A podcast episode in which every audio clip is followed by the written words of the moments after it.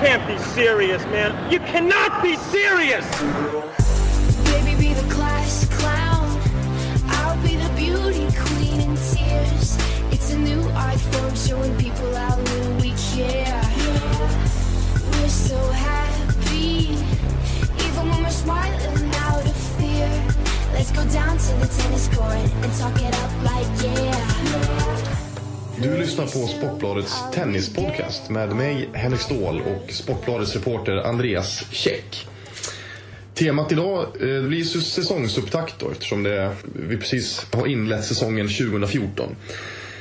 Vi tänkte prata lite grann om årets första tävlingsvecka som ju har kantats av skador och sjukdomar. Det är väl eh, uppemot 30 herr och damspelare som har tvingats lämna återbud eller dragit sig ur turneringar på grund av skador och sjukdomar. Eh, blott en vecka inför Australiska öppna, årets första Grand Slam. Eh, vi ska också prata lite grann om några nya tränarkonstellationer som sett dagens ljus under tennisens silly season. Eh, vi ska också prata om Roger Federers eh, tresetsförlust mot gamla rivalen Leighton Hewitt i Brisbane. Eh, och eh, lite grann om de första turneringarna i allmänhet sådär och ta tempen på Eh, toppspelarnas, fixstjärnornas status inför Australiska öppna. Vi ska också prata om de snabbare banorna i eh, Brisbane eh, och ryktena om att även banorna i Australiska öppna har gjort snabbare. Och avslutningsvis ska vi lista de fem framtidslöften som är värda att hålla koll på under 2014. Men vi sätter igång här nu då med, med de här skadorna och sjukdomarna som egentligen började, började i slutet av förra året. Janko Tipsarevic till exempel ställde ju in, um, han kunde inte spela finalen i Davis Cup för Serbien mot Tjeckien då på grund av fotskada och den har även hindrat honom från spel och nu har han väl dessutom lämnat återbud till Australiska öppna. Ja, det finns eh, en hel del orosmoln på sina håll och kanter i tennisvärlden just nu. Ehm, det börjar väl lugna ner sig en aning, men det är ju fortfarande väldigt många som är borta med skador och eh, sjukdomar. Eh, och det som eh, är lite anmärkningsvärt är att det är så pass många, uppemot 30 stycken, och att det är så här pass tidigt in på den första eh, tävlingsveckan in på säsongen.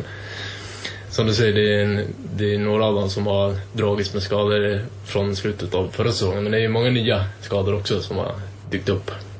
Sen, det, det, är liksom, det är inga skador, det är inte Roger Federer, Novak Djokovic, eh, Nadal, Serena Williams som är, som är skadade. Men det är fortfarande det är toppnamn. Det är, vi har ju Gasquet som har dragits med skador, Almagro på här sidan till exempel. Jusjny, de är rankade där 10-15.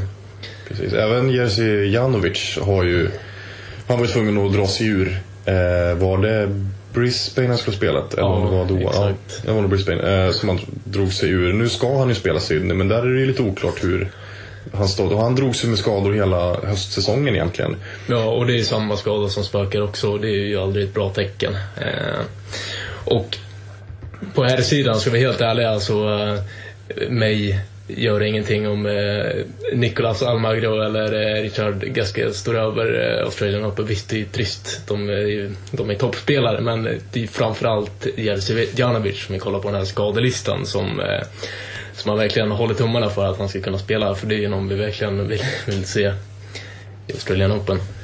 Absolut, ja, det, det, jag håller med helt fullt. Det är väl Janovic som man är lite, som man är lite orolig för. Nu hoppas nu, har- nu är han ju spelklar för Sydney. Det kan ju vara så att det bara var en försiktighetsåtgärd att stå över första tävlingsveckan. Och att spela Sydney istället. Och det, det är ju samma, eh, Sloane Stevens eh, drog sig ur Hopman Cup under pågående turnering. Um, Men där har också pratats om att det förmodligen var en försiktighetsåtgärd hon har känt av det lite grann och vill inte riskera någonting inför Australiska öppna. Nej, det ska inte vara någon form eh, av Sloan Stevens. Ska det inte vara. Däremot eh, ett annat eh, löfte, om vi nu får kalla henne det. Hon, hon är ju inte så ung längre. Laura Robson, brittiskan, men också en spelare som är i ropet och hon har haft problem med sin handled. Eh, men idag, måndag, när vi spelade in den här podcasten, på morgonen så, så spelade hon ju sin första match sedan eh, september. Och eh, hon mötte Wickmeier då, belgiskan. Eh, vann första set, blev breakad direkt i andra och eh, sen kastade hon in handduken fortfarande handleden som spökar och det är ju inte bra en vecka till Australian Open. Som sagt, eh, många skador och sjukdomar men egentligen två spelare som vi bryr oss särskilt mycket om och det är ju eh, Laura Robson på de sidan. Och då, då räknar vi med att Sloan Stevens kommer till spel för det, det kommer hon förmodligen att göra. Precis. Och Jerzy Janovic på, på här sidan. Så är det ju. Just gällande Janovic så eh, det är en kille man, man hoppas så mycket på. Eh, det gjorde vi ju även i fjol. Och, han hade ju inget vidare år utöver sin semifinalplats i, i Wimbledon. Som berodde ganska mycket på en gynnsam lottning. I övrigt på, på här sidan det är väl inte jätteintressant. eh, Jürgen Meltzer, att han är skadad. Det är ingen, vi bryr oss inte ett skit om honom sett till singelspel. Däremot så är han ju Robert Lindstedts eh, dubbelpartner. Precis. Eh, Det är ju lite synd, för det var ju... Mm, Nu har ju Robert Lindstedt bytt partner ett antal gånger här och har inte varit så himla lyckosamt. De senaste gångerna, eh, det mest lyckosamma det var ju eh, Jonas Björkman i Stockholm Open. Ja, Tog sig till final. Men, eh, nej, men det hade man ju ändå. Jag, jag gillar ju Jürgen Meltzer. Jag tycker han är skön lirare liksom och sådär. Och det hade, ja, han är ju duktig dubbelspelare också. Ja. Eh, Men nu så ska väl Robert Lindstedt som jag har förstått det spela med Lukas Kubot. Ja, Eh, han har ju precis. spelat med Kevin Anderson. Eh, Under första tävlingen, han lirar väl i Brisbane med Kevin Anderson. Men han ska spela med Lukas Kubot nu under tiden som Meltzer rehabiliteras. Ja, om jag har förstått det rätt så har de varit sugna på att lira med varandra tidigare också om det inte har blivit av. Det är väl, det är väl kul, men bara för att konstatera liksom att oturen fortsätter grina Robert Lindstedt i ögonen. Nu är otur vad som händer där med... Du menar Daniel Nestor? eller? Ja, precis, precis. Ja, kan jag säga Daniel Nestor? Ja, precis. Ja, det var, och även, och dess, dessförinnan hade han ju Nenad Simonjic, eh, serben. Ja, jag vet inte, det var, det var kanske inte ett, ett genidrag att bryta med Hurriateka kan man Nej. säga efter. Men eh, det är lätt att vara efterklok. Eh, yes, då kan vi ju glida in här då på de här nya tränarkonstellationerna. Eh, som har meddelats under tennisens silly season. Tennisens silly season är ganska lång. Den pågår ju från november till slutet utav, ja, början av november till slutet av december. Eh, på här sidan så sattes, den ju punkt, sattes ju eh, säsongen 2013 punkt i, i och med finalen i, i World of Finals. Och sen var ju också såklart Davis Cup-finalen veckan, eller jo, precis helgen därefter. Men jag brukar säga att World of Finals är väl slutet på säsongen. Ja. Ehm, så det har ju det har varit en, en ökenvandring under, under november och december. Men ehm, då har det kommit några, som det har släppts några bomber. Och det första det var ju att Novak Djokovic anställer eh, legendaren Boris Becker. Ja, det slog ju ner som en blixt från eh, klar himmel, får man väl minst sagt säga. Verkligen. Det är ju väldigt många i tennisvärlden som är förvånade just över att han, kliver in och blir. Snudd på chockade faktiskt. Ja.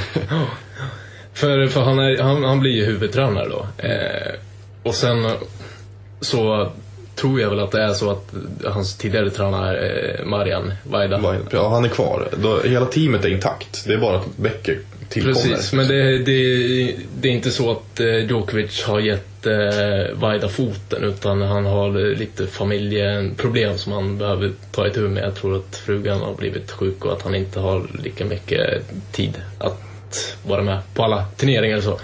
Så det är väl just anledningen till att, till att eh, Becker kliver in och, och axlar den rollen då, som huvudtränare. Och det har också pratats no, eh, Novak själv har pratat om att han känner att han, han har hamnat lite efter Nadal och Murray i Grand Slam och eh, Masters-sammanhang.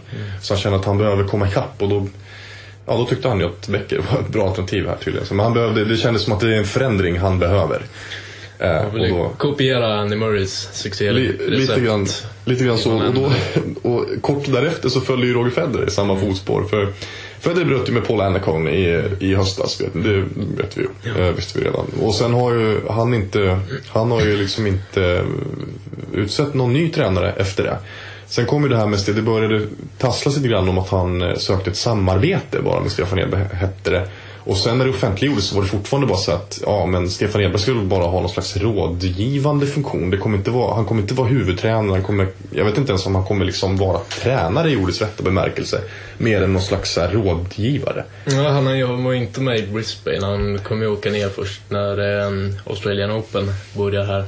Och Det är som jag har förstått det, är just den rollen han ska ha. Som någon slags mental coach. Inte mental coach, men lite grann av en rådgivare. Eh, och det känns ju som ett mer logiskt drag att plocka in eh, Stefan Edberg eh, kontra Djokovic och Boris Becker. Ja, absolut. För det känns ju som att det, den spontana känslan när man hörde om Roger Federer och Stefan Edberg, det var ju liksom att ja, men Edberg är hans forna idol, liksom barndomsidol. Och eh, Edberg är ju som vi vet en hyfsat bra servare. En riktigt, han hade en riktigt, riktigt bra serv och eh, väldigt bra volleyspel. Och det, det är ju faktiskt någonting som Federer har haft problem med under sitt, under sitt eh, ja, katastrofbetonade 2013. Så är det ju faktiskt serven har siktat och eh, också volley, eller spelet framme vid nät som brukar vara Federers comfort zone. Det har liksom inte riktigt suttit. Det har, det har inte varit hundraprocentigt. Så det kändes ganska logiskt ändå att Edberg kan kliva in och hjälpa till lite på de punkterna samtidigt som han kanske kan, eh, kan bidra med lugn och trygghet och stabilitet bara att vara i teamet. För det, det är ju såklart så att ehm, en, en tränare det är inte som att en tränare bara kan träna ut sina egna eh, skickligheter, sina egna egenskaper. Eh, Det är det är inte som att liksom Stefan Edberg bara har den, det enda han kan lära Federer är liksom att serva stabilare och finslipa sitt volleyspel om det skulle vara så. Så är det ju inte såklart. Men samtidigt och då, så... Federer kommer inte slå Nadal och Djokovic genom att spela som Stefan Nej. Edberg. Precis, men däremot så, så är det ju, det, det, det finns ju en poäng i att ha en, spel, en, eller en person som man är trygg med och som man har ett bra utbyte med. Sen ska man komma ihåg så att Stefan Edberg jag menar, han är en kompetent tennismänniska och har ju, det är inte som att han har slutat titta på tennis efter att han la ner sin, sin karriär. Det är klart att han har koll på hur den moderna tennisen fungerar. Men Boris Becker är fortfarande ett, liksom, jag är fortfarande chockad över Boris Becker. För att hur man än vä- vänder och vrider på det där, att eh, en, eh, en ja, om man tar in en tränare som är gammal spelare, att det inte bara handlar om att den spelaren ska lära ut sina egna specialkompetenser. Så är det ju ändå någonting man söker hos den här spelaren. Jag menar, Andy Murray, när han plockade in Ivan Lendl, så var det ju, han, då var det någonting han sökte. Han sökte mental stabilitet och det var Ivan Lendl känd för. Han var ju liksom en robot när han gick ut och spelade. Och Murray behövde också finslipa vissa delar i sitt spel som framförallt sitt offensiva spel. Och Lendl var som bekant en offensiv spelare. Och då undrar man ju liksom, vad, på den punkten, vad ska Boris Becker bidra med? Ska han lära Djokovic att kasta sig i luften liksom, på volleys? Med all respekt för Boris Becker. Men, Ja, eh, ja, Boris Becker har också, han har inte varit involverad liksom, i tennisvärlden de senaste åren. nej, Han inte mer har- som, kommentator. Men han har inte varit tränare liksom. Nej, nej. Han har liksom varit runt på evenemang och spelat poker lite här och där och haft sådana saker för sig. Eh, och nu ska han kliva in och träna världens bästa spelare. Novak Djokovic som har varit världens bästa spelare i några år. Och sen kan han väl kanske tycka själv att okej, jag, gick ne- jag, jag gick ner mig lite grann under sommaren där nu, eh, 2013. Men eh, sen vet vi, han vann ju alla sina matcher efter finalförlusten mot eh, Nadal i, US Open. Jag vet inte vad, för, för någonstans känns det som ett panikdrag liksom. Eller Ja, och det, men det konstiga är också att eh, tydligen så är det inte det. För Nej. de inledde sitt samarbete redan i oktober. Ja, alltså, eller september, oktober. Det var ganska snart efter eh, finalförlusten i US Open. Där, så hörde Djokovic av sig och så hade de ett litet så här utbyte under hösten. Och enligt Djokovic själv så hade Becker kommit med synpunkter på liksom, hur han borde spela. Och, ja, under den perioden så hade han, som du sa, vann han alla sina matcher i slutet av säsongen. Men jag, jag tycker också det, för att jag har så himla svårt att se hur Boris Becker ska kunna leda Novak Djokovic. För att det är ju lite det som, har, som är en del av succén i Lendl Murray. Det är ju att Murray behövde en ledare som kunde liksom leda Murray. För att Murray var ju liksom ökänd för att skälla ut sina tränare och, och liksom ja, men skrika glåpord åt dem under match och du vet sådär. Och det satte Lendl stopp Ja, för. man skäller inte var, ut Ivan Lendl. Nej, man gör inte det. Och det var ju, det var ju precis det. Murray behövde ju en ledare. Mm. Men eh, jag ser inte riktigt vad liksom... Nu, okej, det är inte som att Boris Becker behöver vara en ledare över Djokovic. Men jag ser bara inte vad han... Vad, vad, vad är det vi inte ser som Djokovic ser?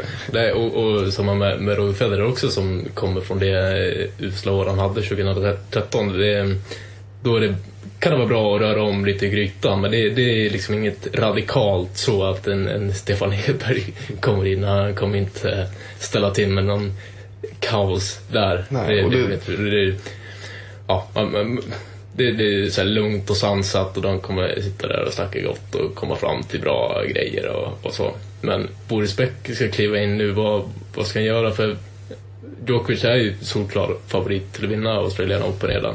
Eh, och han var överlägset bäst under hösten här.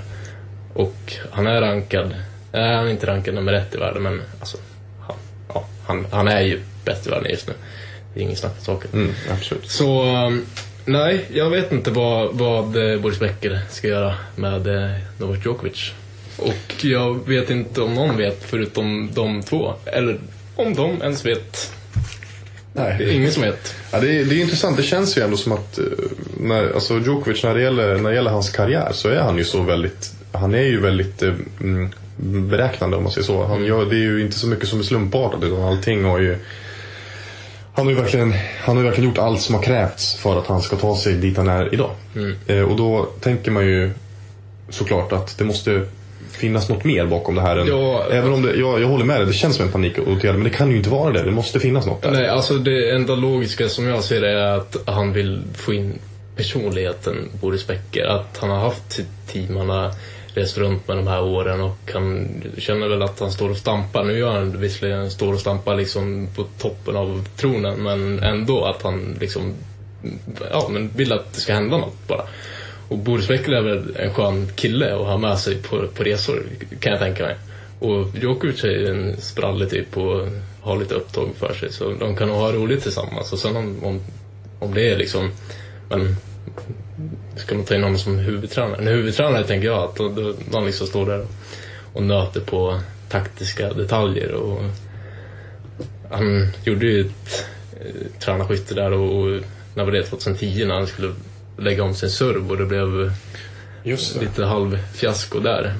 Jag vet inte om jag ser något liknande nu. Det känns inte så. Det känns inte som att alltså, Djokovic vet bäst själv liksom, vad, vad han behöver.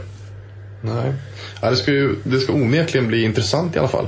Och det här är ju, de här två är ju verkligen inte ens de, de enda intressanta eh, tränarbytena vi har. Vi har ju även Richard Gasquet har också plockat in en gammal Grand Slam-titulant i Sergej Bruguera. Som ju vann Franska öppna två år på 90-talet. Eh, har, eh, eh, har faktiskt eh, vad heter det? Positiv match, eller positiv head-to-head mot både Pete Sampras och Roger Federer. Jag tror att han aldrig, jag tror faktiskt att han aldrig förlorade mot Federer. Nu, ja, var ju Federer ganska ung när de spelade. Men ändå. Eh, Det är ju lite intressant att se vad, vad, han, kan, vad han kan åstadkomma med eh, Richard Gasquet. Det känns ju som att Gasquet lite har kommit eh, jag har ju, har ju fått känslan att han har kommit så långt som han kan komma. Liksom, Att han har maxat sin kapacitet. Och att eh, semifinalen i US Open var lite så här, ja men as good as it gets. Men det ska bli intressant att se om det, om det går att liksom krama ur ännu mer. Ja, jag vet inte vad det skulle vara men det känns väl spontant som att eh, det kanske är fysiken då i första hand som ska förbättras. Om man, ja, för, för, för de stackar i Gasquet, liksom, han har varit med i toppen ganska länge och sen nu har han tagit sig till semifinal men eh, om, om du ska liksom ha något att skryta med eh, när du sitter där med barnbarnen om, om eh, 35-40 år, då, då skulle du ha gått långt i Grand Slam. Så då snackar vi femsetare, inte tresetare. Och då måste man orka springa efter två och en halv timmes spel också. Det har inte Richard Gasquet gjort förut. Nej, han, det har ju för- förbättrats väldigt mycket under 2012 och 2013. Det får man ge honom. Ja, ja, ja, Det ju- men det behöver om bli det ännu, inte hade bättre. är det ju. förbättrats, då är det katastrof. Det Ja. kunde ju bara gå i en Ja, riktning. liksom. det är sant. Sen har vi också det, den, den absolut roligaste tycker jag. Och det är ju Alexander Dolgopolov och Fabrice Santoro. Det är ju liksom det, det, det är ju match made in heaven. Liksom.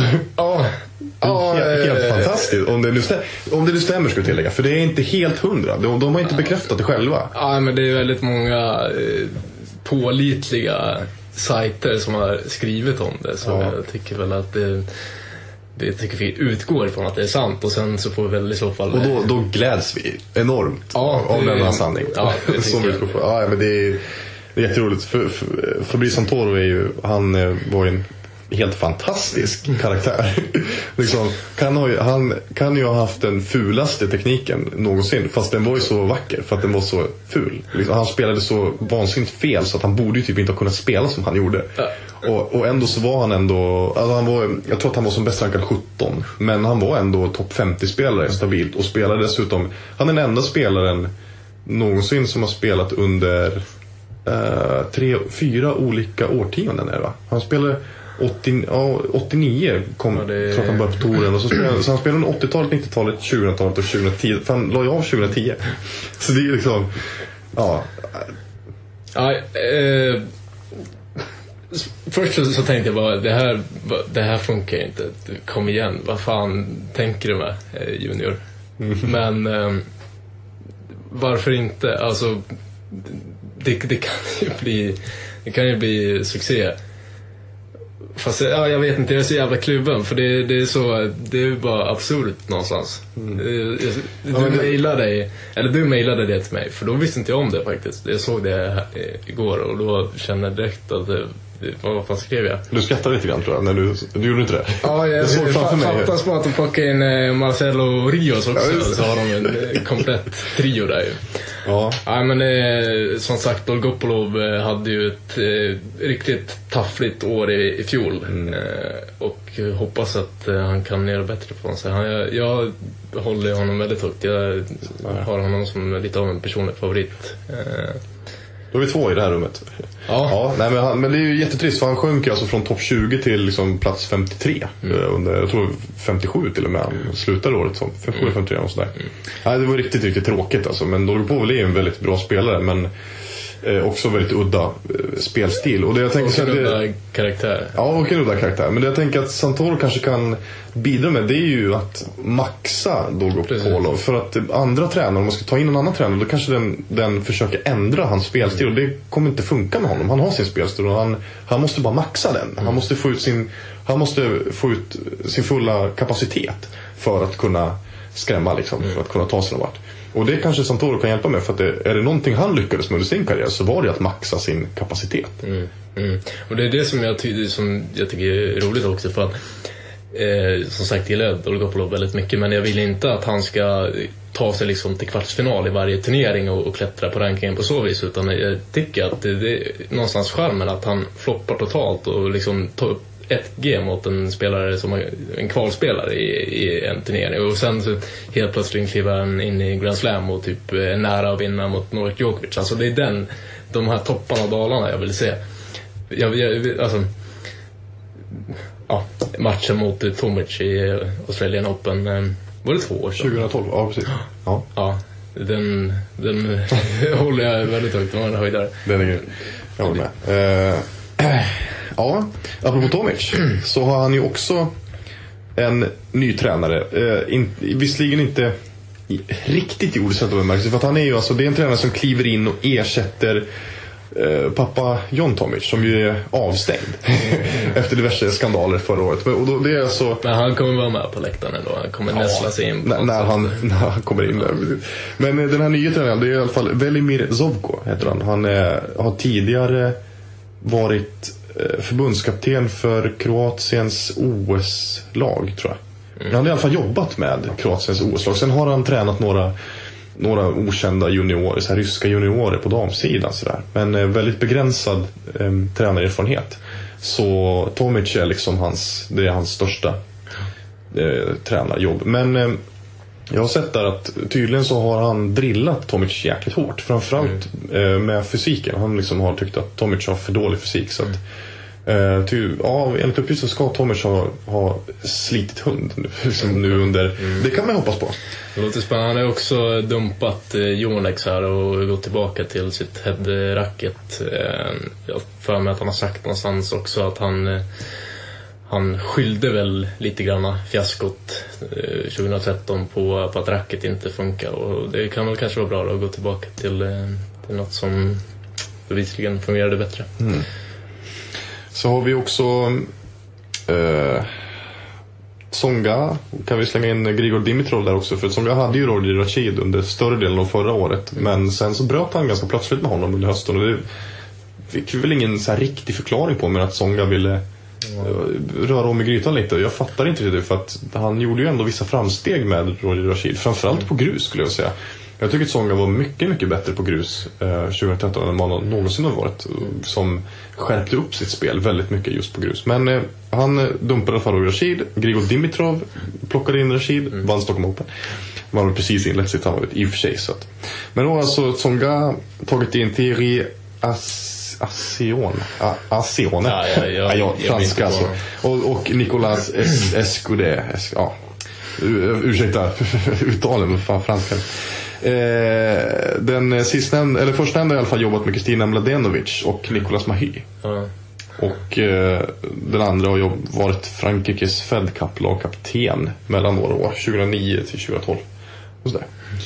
Så det ska bli, bli intressant att se om Tonga nu äntligen kan. För när han, när han anställde Roger Rashid förra året, då var ju det första gången på flera år som han hade en heltidstränare. Han har ju kört själv. Tonga. Och det är ju bara så här, ja det är korkat. De andra- de- ja, någonstans gillar jag det. Ja, Men, ehm, nej, jag vet inte. Jag, jag, tycker- jag tycker en spelare som Tonga behöver typ någon som styr upp honom lite. Ja, jo men jag, jag tycker det också för att egentligen så ska ju han vara där uppe och nosa liksom på the big four som egentligen inte ens är någon big four längre men eh, Kan ja, bli en ny Big Four nu med Del Potro. Ja, det är möjligt. Kliver in. Får se hur, hur det blir med det Mm. eh, i år.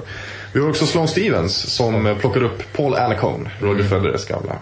Eh, vad, det vet vi inte riktigt så mycket om än för de, har, de inleder sitt samarbete nu.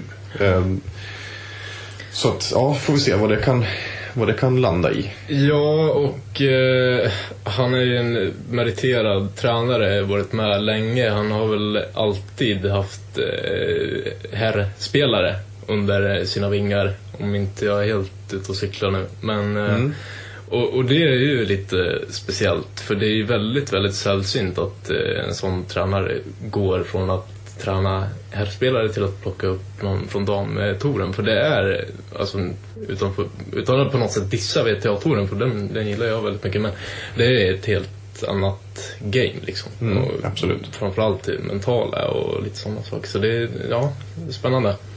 Sen Ja. om det är långsiktigt eller inte, det vet jag inte. Jag vet inte hur länge han kan tänka sig att... att ja, som, som jag har förstått, för det tisslades lite, det pratades lite om det redan under hösten sådär. Men sen så bekräftades det väl nu ganska nyligen och eh, jag tror att de, att de testar nu först en period och sen får, ser de hur det landar.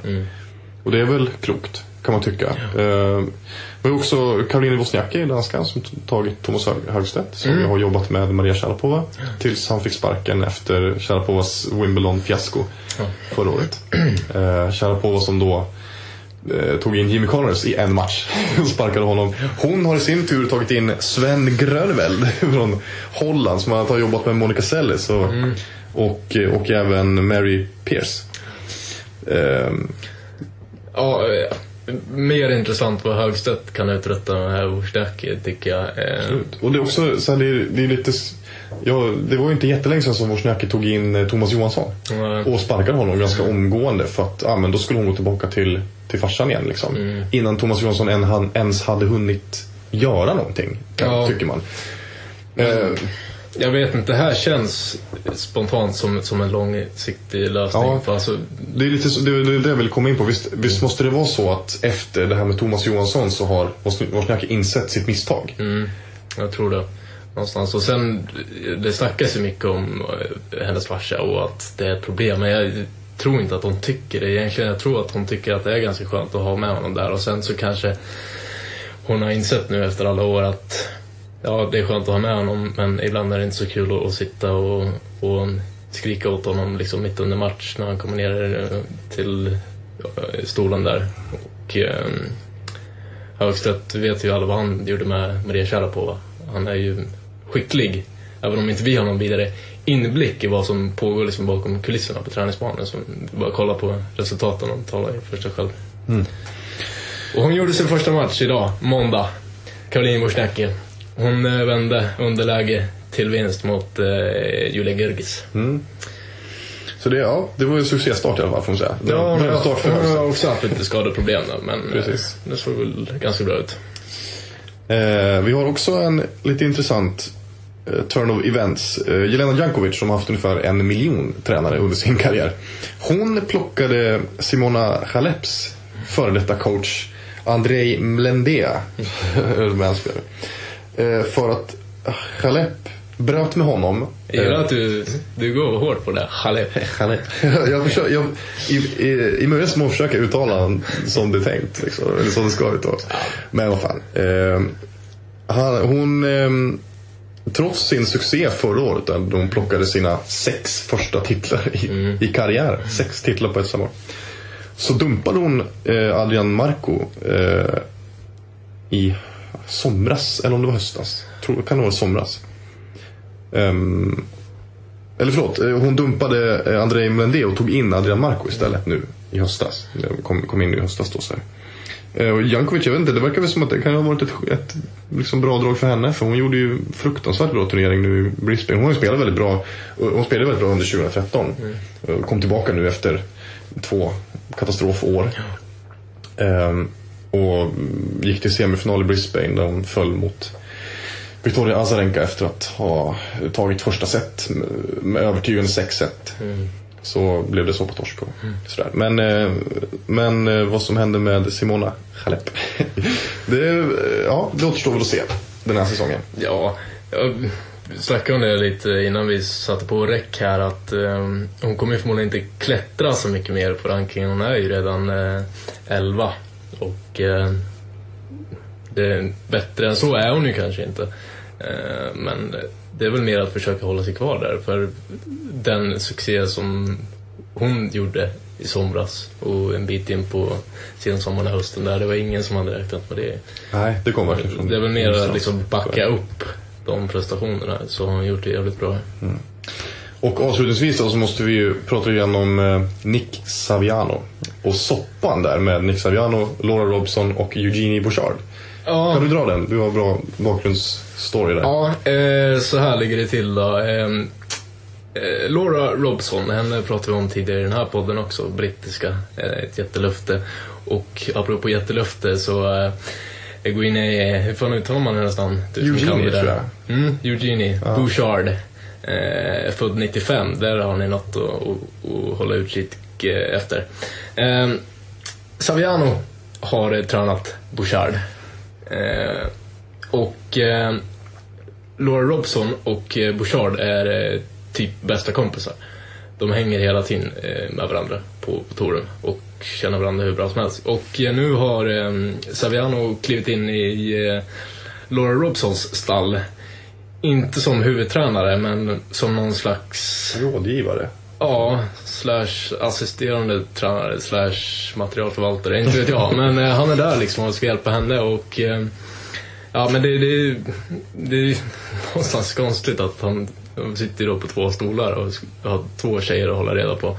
Sen att de är bästa polare och hänger tillsammans så kanske en skön trio där under alla turneringar. Men det är, det är ändå sällsynt att rodda med, med två stycken samtidigt. Och det är ju troligen också två framtida rivaler. Som Precis. du vet, det är som, jag menar, Novak Djokovic och Rafael Nadal är också jättebra kompisar. Men det är inte som att Tony Nadal skulle Nej. träna båda dem. Eller som att Boris Becker skulle vilja träna Nadal och Djokovic. Nej. Det är lite konstigt, det får man ju säga.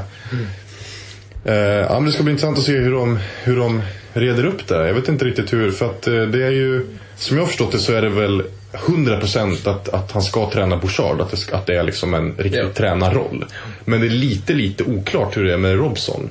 Eh, som du sa, är det materialförvaltare? Liksom, eller, och då undrar man ju så att, ja, okej, om det är någon slags rådgivare på avstånd, det kan man ju fatta. Men hur blir det liksom, han kan ju inte följa med henne på, på turneringar. Ja, eller? man så här- måste ju prioritera Ja, Bouchard. Ja, precis.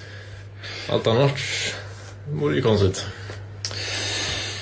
Ja, fr- från en sak till en annan. Så kan vi väl... Snygg övergång. Snygg övergång. från, från det ena till det andra. Så har vi då eh, allas vår Roger Federer. Nu ska vi försöka, nu ska vi försöka se till att den här podden inte blir Roger Federer-podd. Men eh, det är ju liksom, det är ju svårt att inte prata Federer och Federers nuvarande form.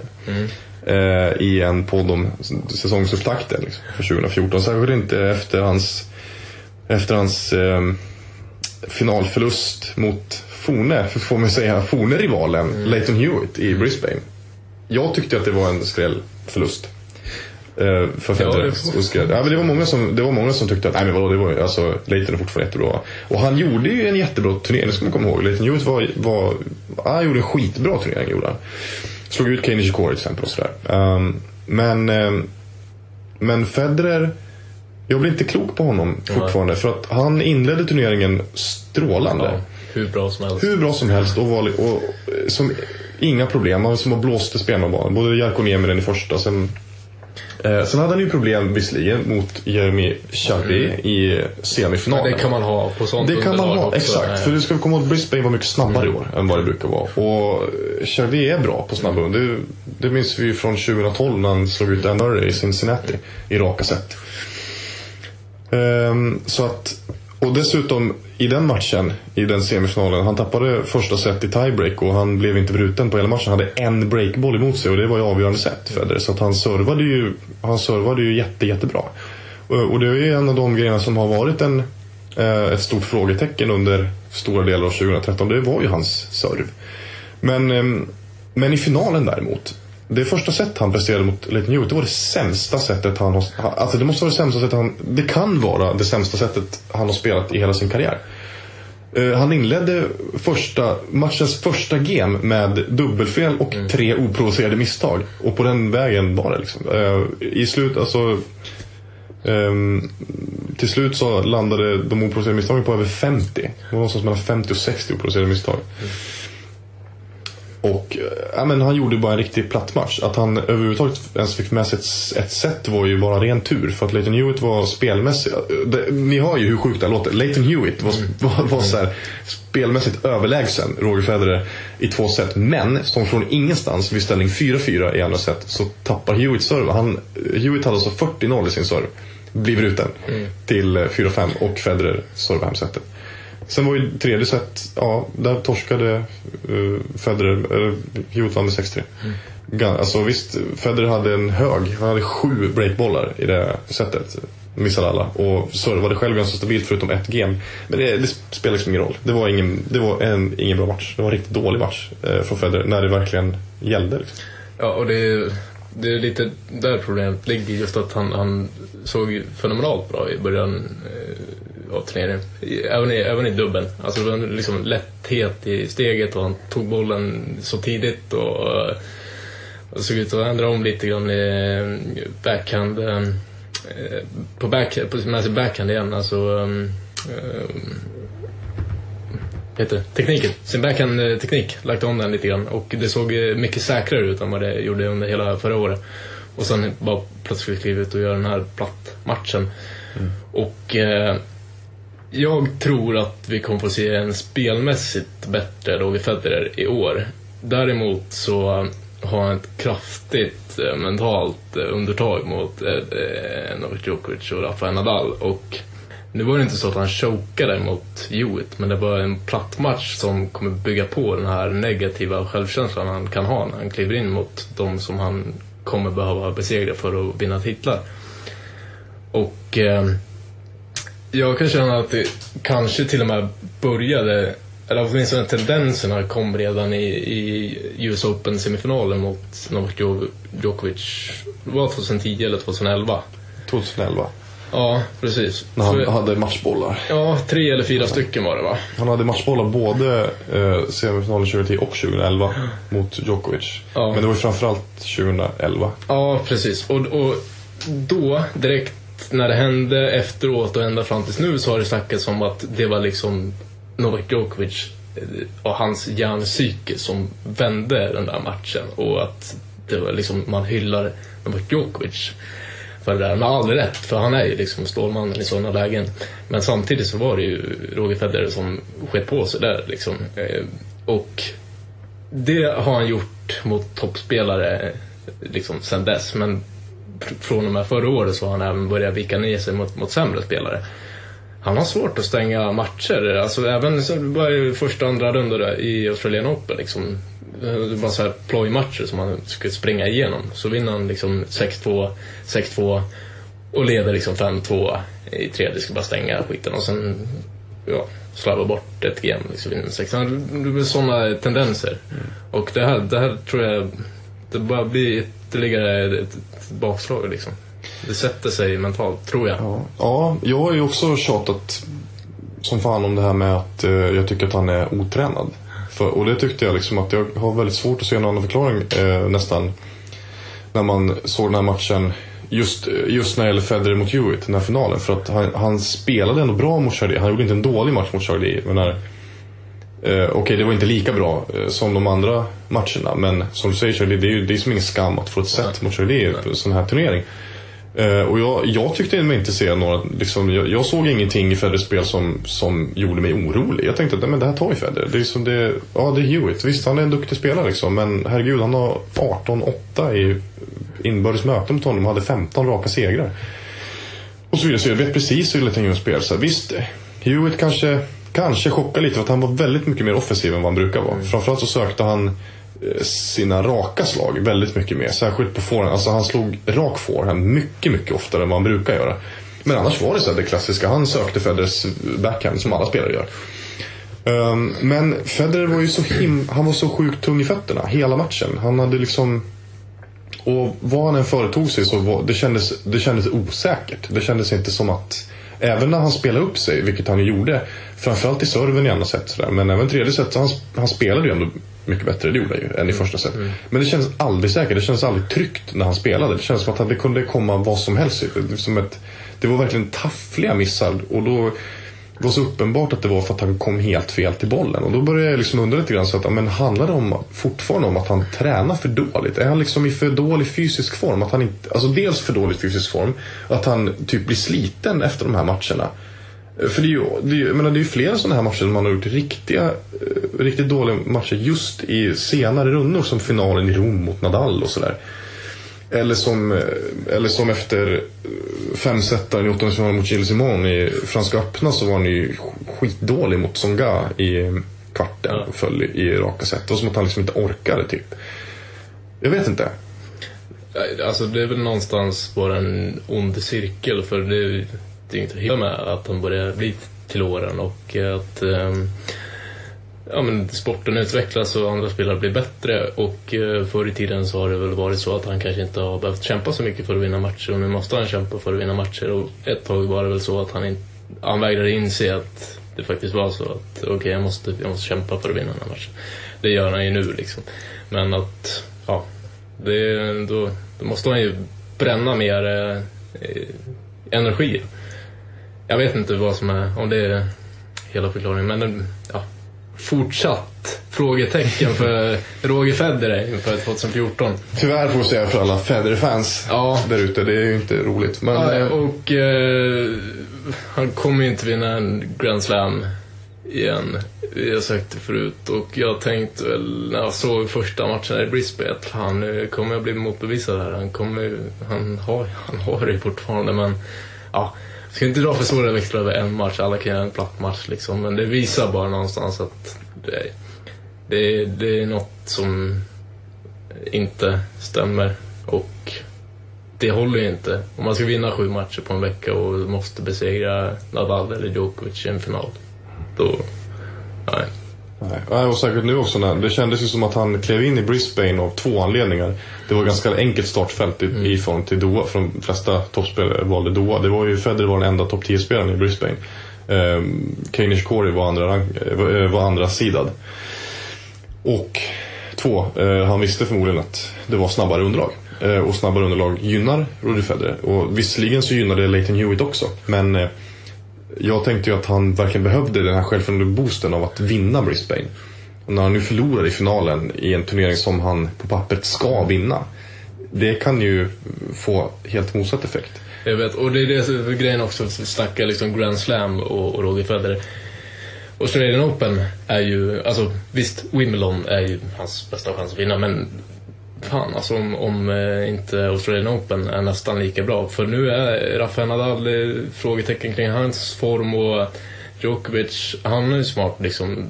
Vi avstår de här förturneringarna och bara liksom chillar och det är liksom, han vet, det här är hans hemmaborg just nu. Och, men ändå, alltså det är ju första stora turneringen för året och det är svårt att veta vad, vad, spelarna står. Det är, en, det är en bra chans för Roger Federer. Och dessutom, dessutom, apropå om vi ska prata om underlag och snabba underlag. För nu går det ju rykten om att eh, alltså, även Australiska öppna ska eh, få snabba underlag. Det vore inte dugg eh, konstigt faktiskt. För det är ju Tennis Australia som arrangerar både Brisbane och Australiska öppna. Så att om de har valt att lägga om, eller göra om banorna i Brisbane så är det ju inte, ja, det är ju inte helt långsökt att Nej. tro att man kanske försöker ändra någonting även i Australiska öppna. Och där, när de här ryktena började florera, då var ju det första jag tänkte så här, jaha, är de trötta nu på att Novak Djokovic vinner år efter år? För att Djokovic, det vet vi ju att han ehm, han föredrar det som kallas för medium slow eller medium fast beroende på, ja, men som medium banor. För det är ju det, de långsamma hardcourt-banorna kallas för medium liksom, för att det är ju grus som är det riktigt långsamma. Hur som helst, han gillar ju det liksom. Och, jag menar, fyra titlar i eh, Australien, eh, Australienska öppna de sex senaste turneringarna och tre raka, det säger det mesta liksom, om hur, hur bra Djokovic trivs. Eh, så att, ehm, men så konspiratorisk ska man väl kanske inte vara. Det kan ju också vara så att om det nu är så att eh, man ska göra underlaget snabbare i Australiska öppna. Nu ska jag också poängtera att eh, turneringsdirektören Craig Tiley har förnekat de här. Han säger att nej, det, det kommer inte förändras någonting. Men att pampar förnekar saker betyder Ja. ingenting. Nej, det, det, vet betyder ingenting. Honom. Precis. Men eh, ändå, det bygger ju på någonstans där att han, det här, han kanske hade chansen. Säg att han hade kört över eh, Hewitt i finalen nu, Roger Federer. Och varit alltså, så pass bra hela veckan i Brisbane. Och eh, Murray har ju kommit tillbaka från ryggoperation. Eh, inte sett bra ut den här första tennisveckan. Ja, precis, han åkte ju på pumpen mot Florian Mayer i, Ja, i Doha. Så att, Eh, Och då är det Djokovic kvar då. Och vi säger att om det nu är så att banorna är snabbare, då, då kanske det är för Roger Federer en lika bra chans att vinna Australian Open som att vinna Wimbledon.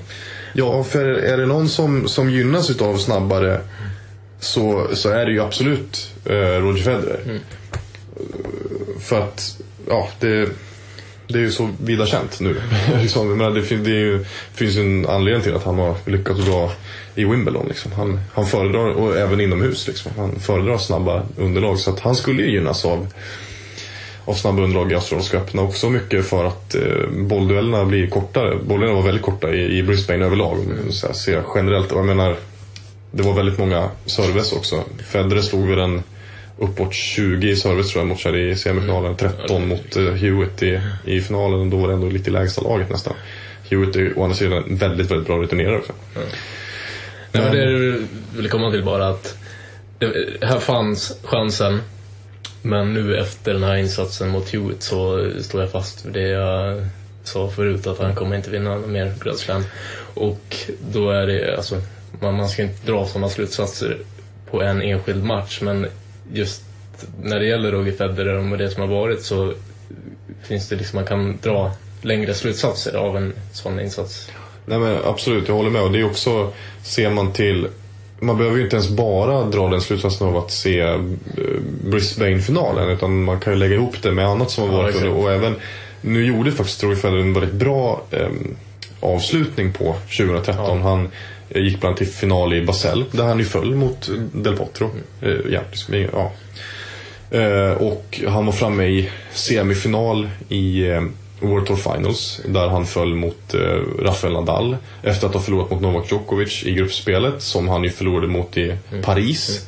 Eh, tog set i båda de matcherna. Men det kändes som att det var aldrig nära att Federer skulle hota Djokovic. Och det är lite det också att Även på de här underlagen som gynnar Federer så är han knappt ens favorit när han har en eh, ledning med 1-0 i set. Samma Rafael Nadal som är erkänt, mm, som alla vet liksom att inomhus hardcore är hans absolut sämsta underlag. Eh, inte, ens, inte ens då kan Federer vinna liksom. Så jag håller ju med. Det är ju det här att, menar, ska du vinna en Grand Slam så behöver du ju slå, eh, det brukar vara minst två utav toppspelarna. Det lyckades han med i Wimbledon 2012. Då slog han Djokovic och han slog Andy Murray. Men att han ska göra det igen nu. Det känns inte så. Hur snabbt Australian Open än blir. Liksom. För att, eh, särskilt nu också när man ser de här, de här dipparna. Som den här dippen nu i Brisbane. Att jä- inleder jättebra och sen Men det är ju i slutet han ska vara bra. Det spelar ingen roll hur bra han är mot Jarkko Nieminen i första omgången. Som i första matchen. Det, det är ju det är mot Leighton Hewitt i finalen han ska vara bäst. Ja. Så är det ju. Eh, Ja, ska vi ta och, det om det. det om det. Ska vi ta och avrunda lite grann med, att, eh, med en klassisk lista. eh, fem framtidslöften att hålla koll på. Nu blir det ju fler, för vi ska ju såklart ha fem herrspelare och fem damspelare. Ja, Men eh, det är en, ett gäng namn i alla fall som vi tänkte dra igenom. Som ni ska ha lite extra koll på. Eh, och vi ska väl poängtera att det här handlar inte bara om spelare som ska klättra jättehögt på rankningen eller typ vinna en Grand Slam. Utan bara spelare som är intressanta att se eh, hur de utvecklas under den här säsongen. ja precis. Ska du börja? Ska vi börja med, eh, med herrarna? Ja, ska vi ta dem var för sig då först? Ja, det kan vi göra. Lite kort. Eh, Då blir, just med det du sa tidigare eh, så blir det lite svårt att, ranka. Men jag, jag börjar nerifrån och, och på plats nummer fem så sätter jag Gael eh, Monfils. Eh, lite av bara en magkänsla att han eh, har bestämt sig för att det är roligt att, att spela tennis igen. Och eh, när Gael Monfils tycker att det är kul att spela tennis då, då är han också jävligt bra på det. Vilket han visade i Doha nu, nu Ja. när han gick till final eh, mot Nadal, föll i tre set. Och för, för det har ju varit så mycket med honom. Det, det har varit skador. Man vet inte om det har varit skador eller om man bara tycker att det är roligare att göra andra saker. Men jag vet jag har inte läst jättemånga intervjuer med honom och sånt men jag bara får en känsla av att eh, han, han vill satsa hårt igen. Och eh, då, då tror jag att vi kommer få se många härliga matcher med Monfils 2014. Eh, plats nummer fyra. Brassen eh, Thomas Bellucci. Jag tror inte ens han är rankad innanför topp 100 längre. Eh, men han har ju en nivå som... Han är en topp 50, kanske topp 40-spelare i grund och botten. Där är hans riktiga nivå. Och i fjol hade han ett riktigt eh, eh, magplask rakt igenom och eh, han har haft lite problem med psyket och svårt att stänga matcher och sånt. Men eh, där har vi en kille som jag plockat med här på listan bara för jag tror att han kommer klättra många placeringar. Eh, plats nummer tre, Jerzy Janovic. Eh, han är med på listan för att han ska vara med på listan. Jerzy Janovic ska vara med på alla listor eh, som är positiva på något sätt. Nej men eh, honom har vi snackat så mycket om och eh, det är väl också lite på grund av att han hade inget bra år i fjol egentligen förutom Wimbledon semifinalen och eh, jag hoppas verkligen att eh, han kan eh, ställa till mer oreda för han har ju liksom potential att, att röra till det lite grann för de, de bästa och det är inte så många som, som har det. Dominic Thiem snackade vi lite om när vi gjorde vår sista podcast eh, förra säsongen. En eh, ung österrikisk spelare som eh, klättrade typ 300 placeringar i, i fjol. Eh, och han kommer vi få se mer av på ATP-nivå det här året. Och jag tror han kan klättra en hel del också. Och plats nummer ett på eh, ATP-listan, Marin Cilic. Eh, kontroversiell uttagning. Han kommer tillbaka från dopningsavstängning här och kanske inte älskad av alla. Eh, om han nu har varit det förut, det vet jag inte. Men eh, han har, har ju ett stort spel. Eh, Alltid haft. Förvånansvärt do, Han har ingen dålig serve, men han har en dålig serve för att vara så lång. Eh, om han... Och för, för att ha ett spel som bygger ganska Ja. mycket på serve. Precis. Faktiskt. Det är en konstig ekvation där. Men kanske att han kan förbättra den lite. För i så fall så tror jag han kan bli hyperfarlig. Alltså jag tror att han kan vara med på allvar liksom och ta sig till semifinaler i Grand Slam. Han har ju varit i US Open och... Slagit ut Andy Murray bland annat. Ja, den där chock. Eh, Chocksegern man minns. Ja, Från- och eh, nej, men jag, jag tror han, han kommer göra jävligt bra ifrån sig. Eh, utan eh, preparat.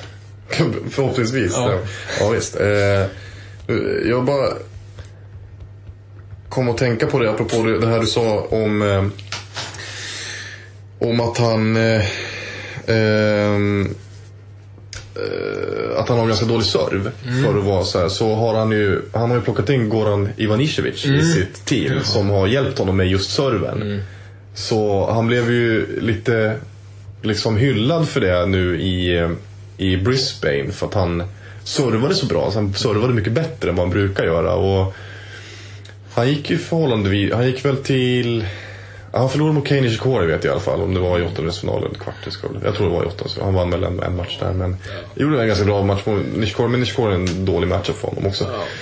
Eh, ja, men så det ska såklart bli... Och apropå om man var älskad. Jo, men han var faktiskt po- populär. Det var han. Så här, för- Särskilt efter den här skrällserien mot Andy Murray. Han är också väldigt, så här, väldigt lugn och sansad och ödmjuk person. Enligt som vad jag har hört. Så där. Så, absolut. Han är, och har ju också lyft fram som ett sånt där framtidslöfte ganska länge nu. Så här, sen 2009-2010 har man ju pratat om att mm. Marichelli ska slå sig in på topp 10 och vara så stabil topp 10-spelare. Det har just aldrig blivit av. Eh, mina namn då.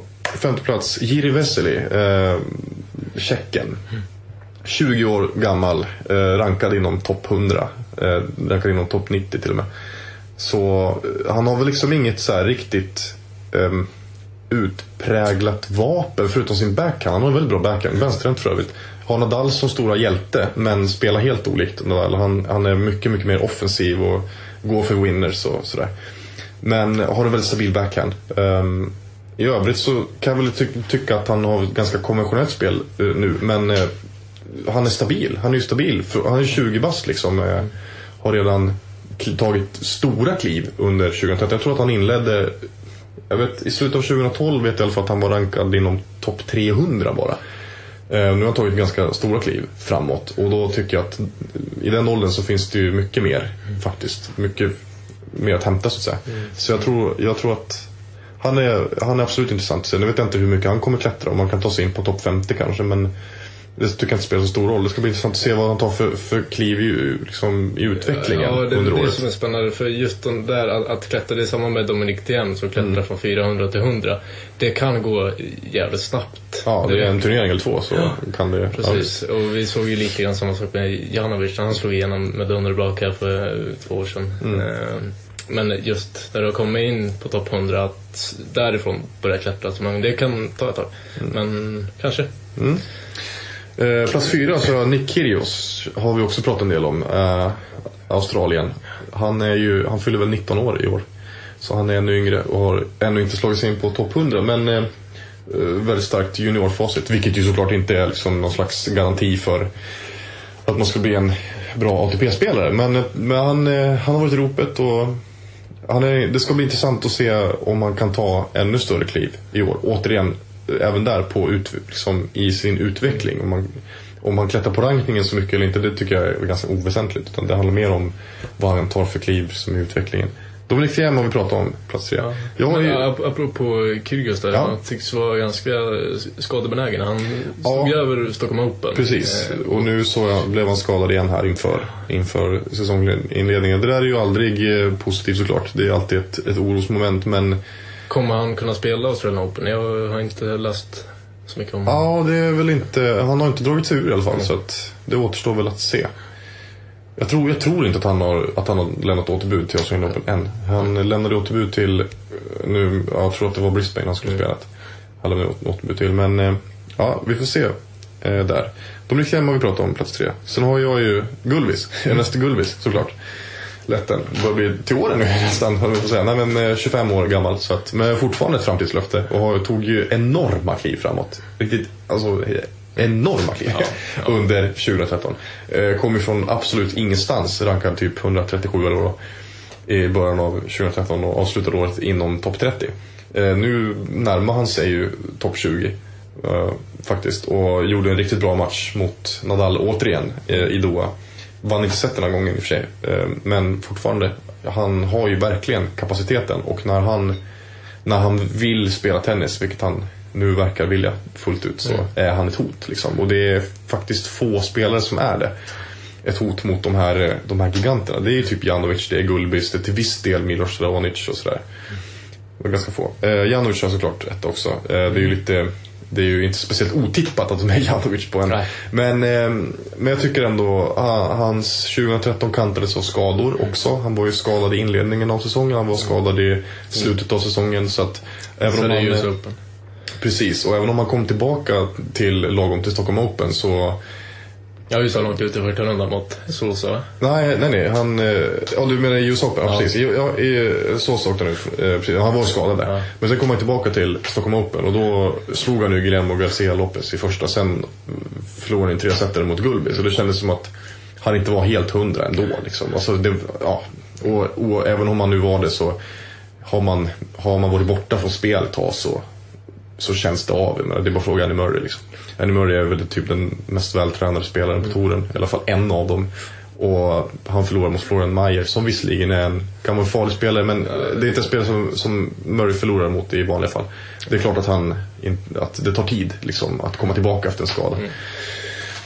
Eh, Så att eh, jag har ju fort, återigen stora förhoppningar på Janovic att det liksom kan att nu att det äntligen kan ta lite hus i helvete kring honom på riktigt liksom. Men nu har han gått till semifinal i Wimbledon. Vilket är större än någon annan av de här ynglingarna i Grand Slam-sammanhang. Eh, Jag hoppas på att, det, att han kan fortsätta på den inslagna vägen. Ska vi börja kasta in ett, en bubblare också? Eh, Bernard. Tomic. Om det nu är så som du säger att han har drillats mycket och gått med på, på att träna mycket själv och han blir tillbaka till sitt gamla racket. För han floppade ju totalt i fjol också. Och Ja, verkligen. får börja året hemma i Australien. Där är han ju älskad fortfarande trots alla skandaler. Liksom. Får han med sig lite bra resultat där då kan det kanske ta vind i seglen. Och han har ju potential också. Absolut. Han har ju väldigt, väldigt hög kapacitet. Det vet vi. Är bara att han har väldigt svårt att Ja, förvalta den. Ska vi hoppa över till eh, damsidan då? ja det kan vi göra. Ska jag börja då igen då? Kör på. Eh, då har jag eh, som femma eh, Simona Halep och henne snackade vi om eh, tidigare. Och eh, som sagt, hon kommer ju förmodligen inte kunna klättra så mycket mer på rankingen. Hon är 11 och om jag tar en snabb kik på ranking här så är det spontant två spelare som jag ser kan eh, ramla eh, under henne och det är Sara Irani som bara är bra på grus i mina ögon och eh, som, ja, är, är, ja hon, hon har ju svårt mot toppspelare. Och eh, eventuellt också Petra Kvitova för hon är så extremt ojämn så, eh, och kan ju inte spela i USA. Så eh, om hon floppar möjligtvis att Halep kan gå om henne också. Men hon kommer inte klättra mycket på rankingen. Men eh, ändå, vi ska hålla koll på henne. Eh, fyra har jag satt eh, Laura Robson och det, hon hade ju ögonen på sig egentligen från slutet av 2011 där. Och eh, 2012 gjorde hon bra ifrån sig och 2013 var det tänkt att hon skulle ta det där sista men ändå ganska långa steget upp mot den absoluta världstoppen. Så blev det ju inte. Eh, haft lite problem med skador men också underpresterat helt enkelt. Och nu har hon lite skadeproblem igen då. Men eh, vi var inne på att hon har plockat in en ny materialförvaltare som kanske ska hjälpa henne till toppen.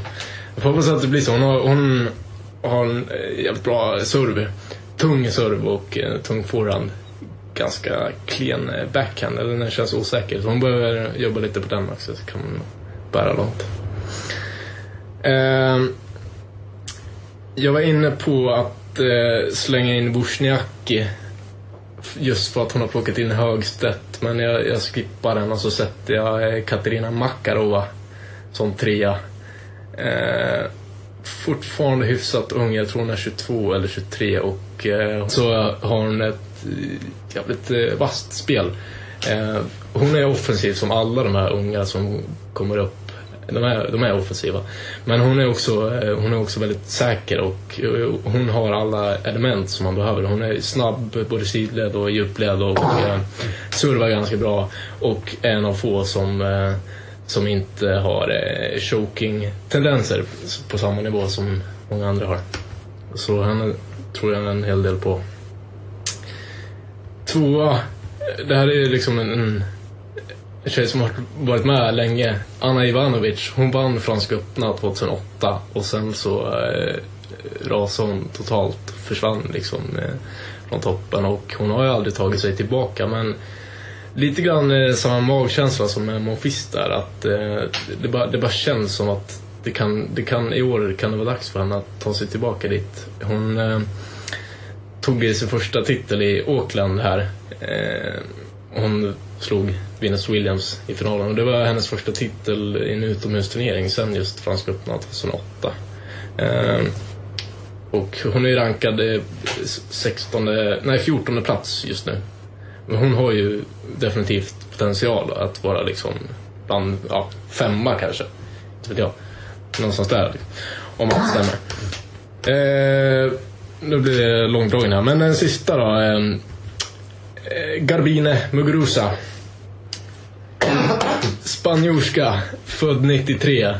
Eh, och henne snackade jag lite grann om eh, i vår sista podd förra säsongen. Och hon har inlett eh, säsongen eh, jävligt bra. Gjort ett grymt kval i, i Hobart här och eh, som sagt, vi spelar in på måndag. Hon kommer få möta eh, Wickmeier i andra omgången. Just på grund av att Laura Robson drog sig ur. Och jag tror hon, jag tror hon kommer vinna den matchen och ta sig vidare till tredje omgången. Och, och där blir det Flipkens troligtvis. Och, Alltså hon, hon kan... Eh, eh, hon kan eh, börja gå långt i turneringen redan nu tror jag. För hon har det, hon har det spelet. Hon, har, eh, hon är jämn viker, alltså hon, hon svajar inte i, i spelet som alla andra gör ju. De som är, de här talangerna, de är väldigt mycket upp och ner. Det bara kolla på Victoria Duval som slog Samantha Stosur i US Open eh, i fjol och sen nu har hon inlett säsongen med att bli totalförnedrad av eh, spelare som är rankade 250 liksom. Men eh, Muguruza, henne ska ni hålla koll på. Yes. Um, jag har satt Madison Keys på plats fem. En av alla de här amerikanska spelarna som lyfts fram som den stora framtidshoppen. Så här. Men jag tycker hon... Eh, hon stod väl lite i skuggan av Sloane Stevens under hela förra säsongen. Men klättrade ändå eh, hyfsat och gjorde väl en del eh, bra turneringar. Känns som att hon borde kunna ta ytterligare kliv i år. Jag tror kanske inte att hon kommer blomstra sådär. Eh, hon levde ju liksom inte riktigt upp till förväntningar. I alla fall, på, i USA hade hon jättehöga förväntningar på sig. Kanske inte lika eh, här i Europa, men hon levde inte direkt upp till dem sådär. Jag tror att ehm, det kan vara till sånt år som hon kryper lite sakta men säkert så att säga. Hon har ju för övrigt slagit eh, Serena Williams när hon var eh, 15 eller 16 i någon sån här konstig eh, amerikansk turnering. Eh, plats fyra, Eugenie Bouchard. Eh, henne har jag ju kollat, eh, haft koll på sen hon, det började pratas om henne där runt 2011 snåret. Hur det var. Hon var ju väldigt ung då. Hon är ju väldigt ung fortfarande men man har så här gått och väntat på att det ska börja hända grejer. Men lite samma med henne, så hon har nu så under 2013 så stod ju hon i skuggan av Laura Robson. Det snackas mycket mer om Laura Robson. Och, men hon är trots allt den högst rankade kanadensiska spelaren. Undrar om det kan vara till och med att hon är det någonsin. Kan det vara så? Eh, ja, det är möjligt. ja, väldigt, väldigt bra i alla fall på, med kanadensiska spelare nu. På sistone med Milos Raonic och Vasik Pospisil på här sidan och, och Bouchard på damsidan. Äh, eh, plats tre har jag också Skellefteå. Eh, håller med där också att hon kommer förmodligen inte att klättra. Hon, kommer inte, hon är inte en topp 10-spelare men det vore kul om hon kunde mm, liksom ta sig långt inom Premier, alltså någon av de högre. Premier 5, Premier mandatory turnering så här, skulle jag tycka var, var kul. Röra om i grytan lite grann. Hon kommer ju förmodligen, eller absolut inte att kunna upprepa säsongen 2013 med sex titlar. Nej, det det, tror jag blir väldigt svårt. Eh, på plats nummer två har jag Bojana Jovanovski. Mm. Hon är ju intressant. Och återigen en spelare som har stått i skuggan av de här andra. Det, har liksom, det pratades lite grann om henne förra säsongen. Hon gjorde någon... Hon hade väl någon skrälla tror jag. I, Hon slog Wozniacki bland annat. Ja, precis. Det var lite sådär. Inga jättestora liksom, segrar. Men, Men så här- med hennes mått mätt. med hennes mått mätt, absolut. Eh, men fortfarande så, hon har liksom uh, åkt lite under radarn. Men eh, jag vet inte om hon, hon är inte kanske någon så här uh, världsetta material i nuläget. Men hon har potential. Eh, och har visat att hon håller liksom för även de här tyngre matcherna. Plats ett har jag ju Sloane Stevens. Väldigt, väldigt otippat. Nej men ja, det känns som att eh, trots att Sloane Stevens hade sån himla succébetonad 2013. När hon tog sig långt i alla Grand Slam-turneringar. Slog ut Serena Williams i Australiska öppna och sådär. Så känns det som att hon ändå inte har nått sin fulla potential än på långa vägar. Nej, nej. Framförallt inte. Där har vi ju ja. världsetta material. Där har vi verkligen världsettarmaterial i framtiden och där eh, framförallt hennes ojämnhet som är. Så hon är ju redan nu väldigt, väldigt hög högsta, eh, högsta nivå men fruktansvärt låg lägsta nivå. Så att hon har ju gjort- några riktiga plattmatcher eh, under 2013. Och där hoppas jag nu att hon ska kunna stabilisera. Vi får se här hur det blir med Paul Anacone och sådär. Det, det är jag väl kanske inte helt hundra på men det är också för att man är väldigt osäker på vad det ska landa överhuvudtaget. Men jag skulle vilja se Sloane Stevens stabilisera sig mer. Och jag, menar, jag tycker att det räcker med att hon bara liksom håller sig runt topp 10. Behöver kanske inte ens vara en topp 10-spelare under säsongen, men att hon håller sig där i krokarna. Liksom. Ja, Lite jag, som, jag, eh, jag tycker att hon, hon måste gå till slutspel. Annars, annars säger jag att det är ett fiasko. Hon måste gå långt i Grand Slams. ja. Jo men det måste hon ju. Hon måste ju försvara sina... Jag menar, hon har gått till åttondelsfinal i, minst åttondelsfinal i alla Grand Slam under, 20, eller under 2013. Så det måste hon ju upprepa, det tycker jag också. Annars är det ju liksom så. Men om man ser till, till rankning och så. Så tycker jag väl att kan hon hålla sig runt 10-strecket så eh, tycker jag att det är liksom en godkänd säsong för henne. Hon är trots allt väldigt ung. Jag vill se den här stabiliteten. På samma sätt som att Milos Raonic eh, faktiskt stabiliserade sig under slutet av 2013 så stabiliserade sig kring 10-strecket. Det är en bra, en god grund att stå på. Bygga vidare på inför den här säsongen för Raonic. För Sloan tycker jag väl att hon behöver stabilitet. Det är det hon saknar. Framförallt. Sen som, innan hon kan börja ut, utvecklas ännu mer på det hon redan är bra på. Jag vet inte om jag har för höga förhoppningar på, på Sloan, men alltså jag, jag blev ganska besviken eh, i fjol. Och eh, jag tänker eh, redan nu att hon skulle kunna ansluta sig till topptrion och, och utöka den till en kvartett. För det spelet har hon och visst hon är ung men det, hon, hon har ändå varit med på, på den stora scenen i snart två år och det, det, det finns liksom... Det, det är klart hon har saker att utveckla men eh, hon, är- hon är så pass bra så hon, hon, hon ska kunna vara där om hon, om hon bara gör det, hon- det hon ska. Fast det är ju... Ja, okej, jag har kanske lite höga krav men... Man, man- man ser liksom bara på, på vilka som kan utmana för Köra på tycker jag att det är ganska många frågetecken kring fortfarande. Dels efter de här ryggbesvären och sen bara med alla tränarbyten och jag vet inte om det är så bra med att hon är ett par med Grigor Dimitrov och jag vet inte. Men eh, även eh, Azarenka, alltså hon, hon eh, sakade åtta matchbollar mot eh, Stephanie Fögele här, här om dagarna. Och det visar ju bara att hon, hon kommer aldrig kunna städa bort det där eh, spöket som ekar när man ska stänga matcher. Och det finns en öppning för Sloane Stevens att liksom kunna slå på stort redan den här säsongen. Alltså rejält på stort. Vi får hoppas att hon, att eh, hon kommer tillbaka snabbt efter de här skadebekymren och hon kan gå för fullt hela säsongen ut. Och med det så får vi sätta punkt för eh, den här säsongens första podd. Tack för idag. Even let's go down to the tennis court and talk it up like yeah. Oh, you can't be serious, man. You cannot be serious! That ball was on the line. Chalk flew up. It was clearly in. How can you possibly call that out? Now he's walking over. Everyone knows it's in in this whole stadium. And you call it out?